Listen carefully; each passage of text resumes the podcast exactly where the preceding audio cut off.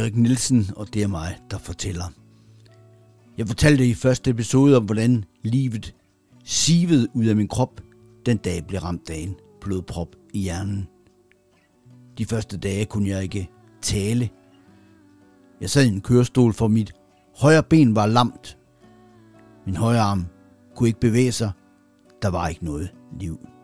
Og fingrene på højre hånd sad som stive kroge.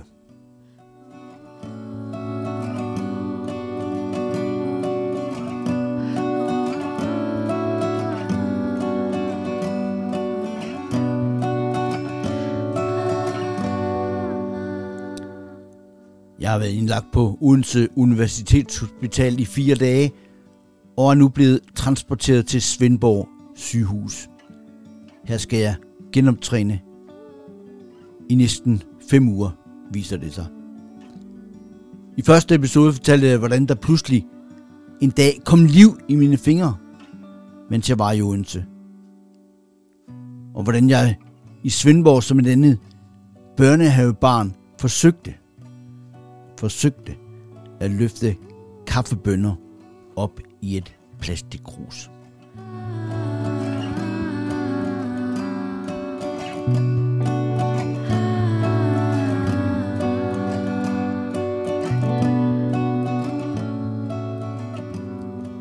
Det her er episode 2 af Erik Nielsen fortæller.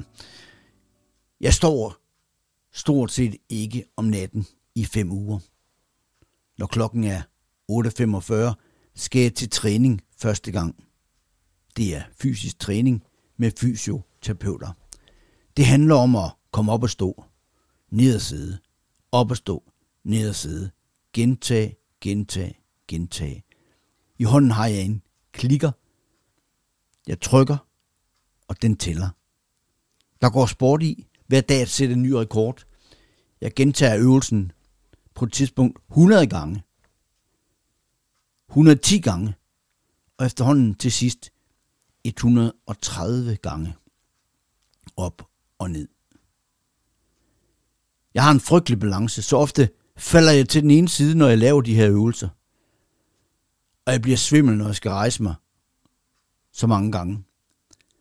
Efter tre kvarter er jeg udmattet. Jeg kigger op på uret konstant for at se, hvor lang tid træning jeg har tilbage. På klokken går jeg direkte hen på min stue, lægger mig måske med en podcast eller noget andet i ørerne, og efter mindre end to minutter sover jeg. Jeg blev indlagt den 1. april 2022, og den 14. april har jeg lavet en video på Svendborg sygehus, på 7 sekunder på min telefon. Jeg tror, det er her, jeg tager mine første skridt uden støtte. Det var en stor dag. Jeg jubler over selv små fremskridt. Hvor der er liv og der håb, har jeg lært. Måske kan det blive endnu bedre. Efterhånden som jeg bliver bedre og selv kan gå hen ad gangen, op og ned af hospitalsgangen, uden støtte, og uden efterhånden at støtte mig til hospitalets vægge, så kommer næste skridt. Jeg skal lære at gå på trapper. Det er skræmmende. Jeg står og kigger ned af måske 10 trin. Og jeg kigger lige ned i dybet og tænker, jeg må for alt i verden ikke falde og ødelægge mulighederne for at genoptræne, hvis jeg nu skulle falde og slå mig og brække et eller andet. Det går nogenlunde op ad trapperne, selvom jeg hurtigt bliver forpustet. Jeg er fuldstændig ude af form. Men nedad, nedad er det værste. Jeg har svært ved at orientere mig. Jeg rammer ikke altid trinene med min fod, ofte er ved at snuble ned af de mange trapper med hovedet forrest. Det skræmmer mig, men heldigvis er det jo en fysioterapeut, der holder nøje øje med mig.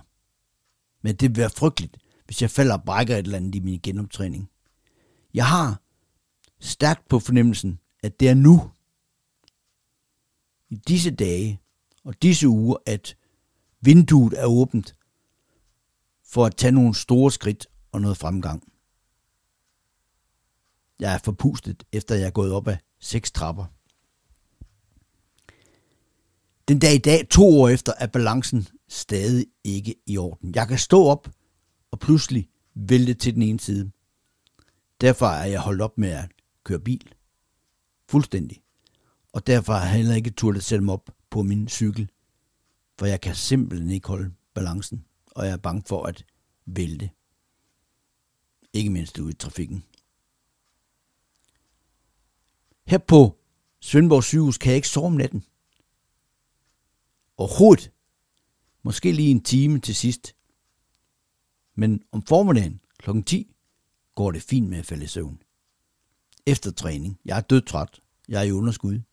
Og efter en tur ned ad hospitalets mange trapper og op igen, så er jeg fuldstændig færdig. Jeg har en times hvil, så skal jeg træne igen. De kalder det håndtræning. Og her laver vi noget mere finmotorisk, og som håndtræning ordet siger, så er det noget med hånden. Det er blandt andet her, jeg putter kaffebønner op i et plastikkrus. Og så har jeg nogle, ja det er vel også plastikkrus, plastikting, jeg skal gribe fat om, og så skal jeg løfte dem 30 cm op i luften på en slags forhøjning på bordet. Ofte vælter de alle sammen ned. Mest fordi jeg ikke kan slippe kruset igen. Eller rettere, min hjerne glemmer at sige til min hånd, at nu skal den slippe kruset, for nu har jeg løftet. Og når jeg fører armen tilbage, så sker der det, at alting vælter. Og det er faktisk det samme, jeg stadigvæk oplever. Da jeg kommer hjem efter fem uger, og sådan er det de første måneder. Jeg glemmer, eller min hjerne glemmer, eller hvem det nu er, der glemmer, at slippe for eksempel et kaffekrus med kaffe. Og så skulle det stå på bordet, men jeg tager hele skidtet med tilbage ind til min krop. Og tænker jeg slet ikke over det. Og så ryger det hele ned på gulvet. Kaffe, saftvand, en tallerken med sovs og kartofler, der pludselig ligger på gulvtæppet i stuen eller køkkenet. For at sikre, at jeg øver mig hele tiden, så har personalet klistret et sådan et post-it papir på mit bord. Eller rettere to post-it sædler. Og de ligger foran mig. Et til venstre, et til højre. Så er det meningen, at jeg skal øve mig i at røre ved papiret. Jeg ved godt, det lyder enkelt, simpelt og fuldstændig ligegyldigt, men det er det ikke. Jeg skal sætte pegefingeren på det ene kryds og på det ene stykke papir, og bagefter skal jeg have pegefingeren over på det andet kryds. Der er vel 40 cm imellem de her sædler. Det lyder nemt. Og det er også noget, et lille barn kan gøre uden problemer. Det går ikke så godt for mig. Jeg rammer tit forbi. Koordinationen er helt væk. Og du kan lige prøve selv at prøve at konstatere, hvor let det er for din hjerne at ramme et forholdsvis stort stykke papir, der ligger foran dig på bordet. Og så bagefter rører ved et andet stykke papir, der ligger ved siden af. Jeg vil tro, at det hurtigt keder dig, fordi det er så nemt, så nemt, så nemt. Så kan du bagefter tænke over, hvor underligt det er, slet ikke at kunne udføre en så tilsyneladende let opgave. En blodprop i hjernen ødelægger nervebanerne. Så når hjernen får at vide, at nu kunne jeg godt tænke mig at bevæge min hånd hen til den der sædel, så er den nervebane, der udfører arbejdet, smadret, ødelagt. Den fungerer ikke. Og derfor er jeg ude af stand til at udføre den opgave. Men nu, gennem det her træning, skal der anlægges nye veje, hvor man kører en anden vej, udenom de ødelagte nervebaner. Lidt ligesom hvis man er ude og kører bil, og der er et ulykke eller uheld på motorvejen, så kører man en anden vej. Og det er det, der skal ske nu. Og de veje via nervebanerne, dem skal jeg selv sørge for at anlægge, og det er derfor, jeg træner. På Svendborg sygehus laver jeg en video af mig selv, hvor jeg udfører en øvelse. Jeg skal lukke øjnene, og derefter skal jeg dirigere pegefingeren på den ene hånd hen på min næse. Du kan lige selv prøve, hvis du har lyst. Luk begge øjne. Placer din pegefinger på din næse. Det er a piece of cake, selv for et lille barn, og sikkert også for dig. Øvelserne gør mig en anelse deprimeret. Og selvom jeg gør fremskridt, så er det som om, at jeg er barn igen. Det er som at starte forfra på noget, man har lært for mange, mange, mange, mange, mange år siden. Nogle dage forlader jeg træningslokalet i nedtryks sindstilstand. Andre gange er jeg opløftet, fordi jeg har puttet kaffebønderne op i kruset på rekordtid. Efter formiddagens endetræning, håndtræning, som var 45 minutter, går jeg tilbage på min stue og hviler. Ofte falder jeg i søvn. Kl. 12 er der frokost. Og måltiderne er faktisk det værste tidspunkt på dagen for mig. Det er noget, der bare skal overstås. Jeg frygter hver gang, at jeg ikke kan sluge maden og synke maden, og at den skal ryge i den gale hals. Sådan er det i fem uger. 40 dage. Tre gange hver dag. 120 marit. Og det, jeg kan godt afsløre, det fortsætter, da jeg kommer hjem. Sygeplejerskerne er hele tiden meget strikse med hensyn til, at jeg får nok at drikke. De stiller vand og saftevand med tre skefulde fortykning i foran mig hver dag. Og hver gang min glas er tomt. Tænk dig selv i en situation, hvor du føler dig livsfare, hver gang du skal have noget at drikke. Så kommer man nemt til at drikke for lidt. Efter 14 dages ophold i Svendborg, og næsten tre uger i alt på sygehus, får jeg lov til at komme hjem på weekend. Og jeg glæder mig helt vildt. Men jeg frygter også, at jeg ikke kan begå mig i huset. Vi har soveværelse på første sal. Og vi har også badeværelse på første sal.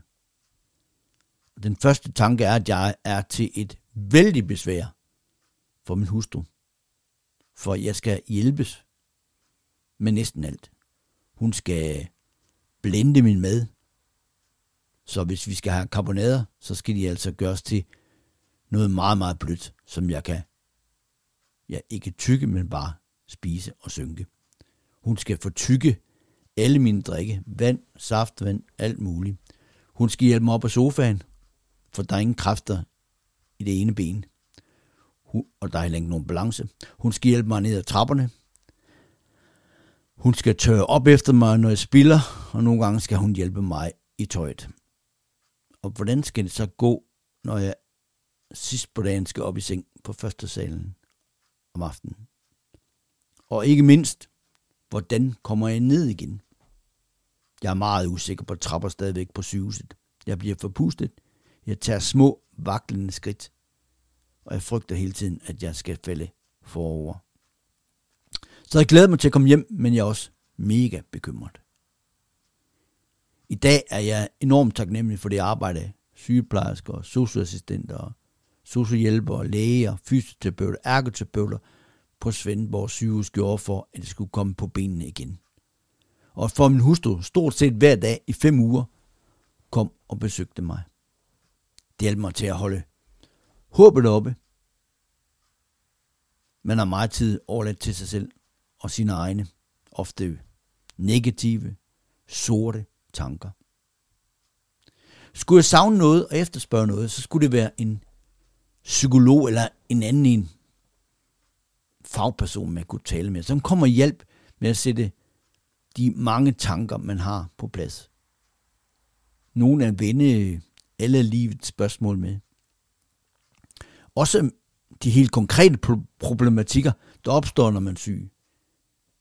Midt i forløbet, så tænker jeg på, hvad skal der ske med os, min hustru og jeg?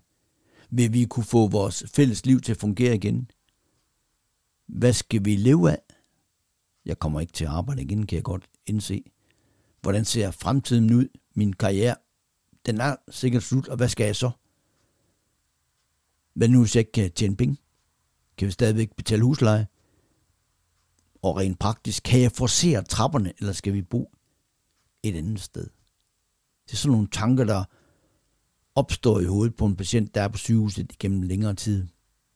Og man har rigeligt med tid til at sidde og tænke for sig selv, og man har også rigelig tid til at blæse alle problemerne op til at være kæmpe store. Oven i alle de udfordringer selvfølgelig, man kæmper med fysisk. Heldigvis havde Svendborg sygehus ansat en socialrådgiver. Og hun kunne for eksempel reagere hurtigt, da jeg fik kontakt med mit pensionsselskab. De skrev, at de lige ville ringe til mig.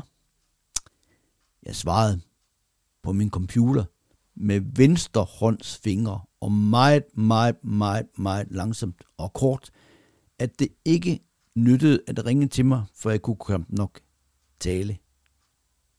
Og jeg kunne næsten ikke tale rent. Nå. Så sendte pensionsselskabet i stedet for en masse papirer, som jeg skulle skrive under. Jeg skulle bare lige printe dem først, skrev de, og dernæst sende dem med posten til dem. Så måtte jeg igen maile til dem med min langsomlige tasten på computeren, at jeg ikke havde taget min printer med på sygehuset, da jeg blev indlagt med en blodprop i hjernen. Oh, der er nok at blive frustreret over, og det er ikke altid, og det forstår jeg egentlig godt, at folk ikke forstår de problematikker, man sidder i, når man sidder og er syg og sidder på et sygehus. Små almindelige udfordringer skabte store problemer for mig. Det fik mig til at tænke på borgere og patienter, der står i en, en dårligere position, end jeg selv gør. Og hvordan de må rive hårdt af sig selv i frustration over myndighedernes krav til dem i en tid, hvor de er fuldstændig ukampdygtige. Alt det plejefaglige var til UG og slange, både på UH Odense og også i Svendborg, på sygehuset i Svendborg. Alle var rigtig gode til at opmuntre mig, at berolige med, mig med, at det hele nok skulle gå i den sidste ende. Men i løbet af de mange, mange timer, man bare sidder og kigger ud af et vindue, eller ud i luften, så vil det være dejligt at have en fagperson at vende de her mange spørgsmål med. Jeg udviklede undervejs, naturligt nok tænker jeg her bagefter, en angst for fremtid, endnu mere sygdom. Jeg stod midt i mit livs værste sygdomsperiode. Jeg begyndte allerede at bekymre mig om næste gang. Næste gang jeg røg ned. Jeg havde bare to år tidligere haft en blodprop i hjertet. Og eftervirkningerne af den følge jeg endnu ikke var helt over. Og nu havde jeg så oveni fået en blodprop i hjernen, som virkelig havde sendt mig til tælling, også skadet mig kraftigt. Hver gang jeg blev svimmel. Jeg mærkede et stik i hjertet, lagde jeg hovedpine, snoren i arme og ben, og alt muligt andet rørte sig i min krop, så var jeg overbevist om, at en ny sygdom var på vej. Eller mere af det samme. Og så er der selvfølgelig hele problematikken om, at man føler sig slået tilbage til start. Livet, som man kendte det, ligger i ruiner. Mange ting, man kunne, kan man ikke mere. Jeg tror, det er nok til at gøre en vær deprimeret. Efter tre uger begyndte jeg at blive noget, der ligner social. Jeg begyndte at sidde ude på sygehusgangen og se fodbold og håndbold og ishockey på min computer. Mange gange sammen med min hustru Begitte. Andre gange alene, hvis hun ikke lige var der. Og så kom folk forbi og spurgte, hvordan går det i kampen? Og en aften sidder vi omkring min computer og ser Champions League fodbold. Og en af dem, jeg møder, er Nicky. Han har også haft en skade i hjernen. Han har faktisk haft en hjerneblødning af 46 år. Og vi bliver gode venner. Og efter hospitalstiden her mødes vi privat hos hinanden, og vi ringer os og skriver til hinanden en gang imellem for at høre, hvordan vi har det. Folk omkring mig begynder at fortælle mig, altså personalet, at jeg skal huske at fokusere på det, der er. Det, du kan nu, og ikke det, der var engang. Det er sandt. Jeg ved det, men det er svært. Jeg er hjerneskadet. Det tager mange uger, ja flere måneder, inden jeg kan tænke tanken og sige ordene for mig selv. Jeg er hjerneskadet. Jeg bruger ikke de ord for andre. Jeg prøver at sige det til mig selv. Jeg har fokus på at kunne gå, kunne rejse mig,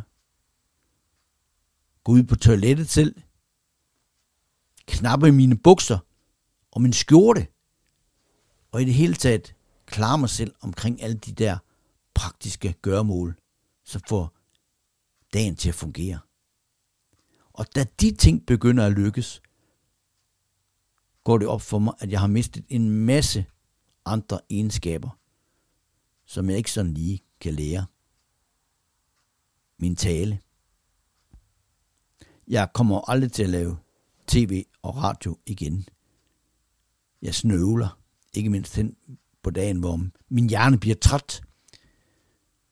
Og jeg er også skæv i munden, det har jeg slet ikke lagt mærke til de første mange, mange, mange, mange dage. Men efterhånden som nogle af de første praktiske ting er på plads, og jeg begynder at kunne nogle af dem, så begynder jeg at lægge mærke til det her, at jeg for eksempel er skæv i munden. Og jeg accepterer det også et eller andet sted. Erik for 10 eller 20 år siden havde lagt sig hen i hjørnet og skrædet. Men jeg må sige om mig selv, at jeg er overraskende rolig. Jeg har siddet på hospitalet haft tid til at tænke over, at min karriere, hvis man kan kalde det det, er slut. Mit arbejdsliv er slut. Jeg er bitter over, hvordan det er slut. Men så sidder jeg og tænker på, at jeg fik trods alt 35 år, hvor jeg elskede mit arbejde. Og som min kollega på radioen, Jakob Risbo, engang sagde, vi kommer fløjtende på arbejde, og vi kører fløjtende hjem. Og det har jeg gjort på samtlige mine arbejdspladser. Elsket at komme ind ad døren på hver eneste arbejdsdag.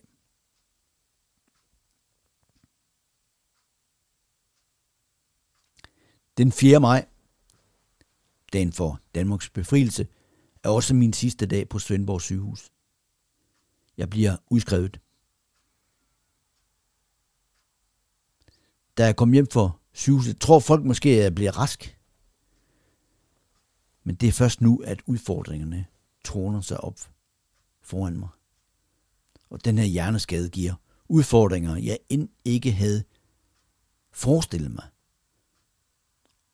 Og der er altså det der praktisk med bare det at komme op ad trappen, og ikke mindst ned ad trappen, er en kæmpe udfordring. Og min hustru må gå foran mig i flere uger, hver gang jeg skal ned ad trappen. Enten støtter hun mig, eller så går hun foran mig i det tilfælde, jeg skulle styre det. Og jeg spiller, og jeg sviner, og hver gang jeg rejser mig for en måltid, så ligner det en slagmark. En slagmark på bordet, på gulvet, og jeg er træt af, at jeg er til besvær. Nu kan jeg rigtig se, hvor meget besvær jeg er til. Min hjerneskade har betydet, at jeg, når jeg tager fat omkring det her glas, drikker af det og skal sætte det på bordet igen, som jeg fortalte før, så glemmer jeg at slippe glasset og det er spildt ud over hele bordet, hvor vi sidder og spiser, eller skal sidde og hygge os. Det er en kæmpe belastning, og jeg bliver frustreret, og jeg bliver vist nok lidt ud af udreagerende.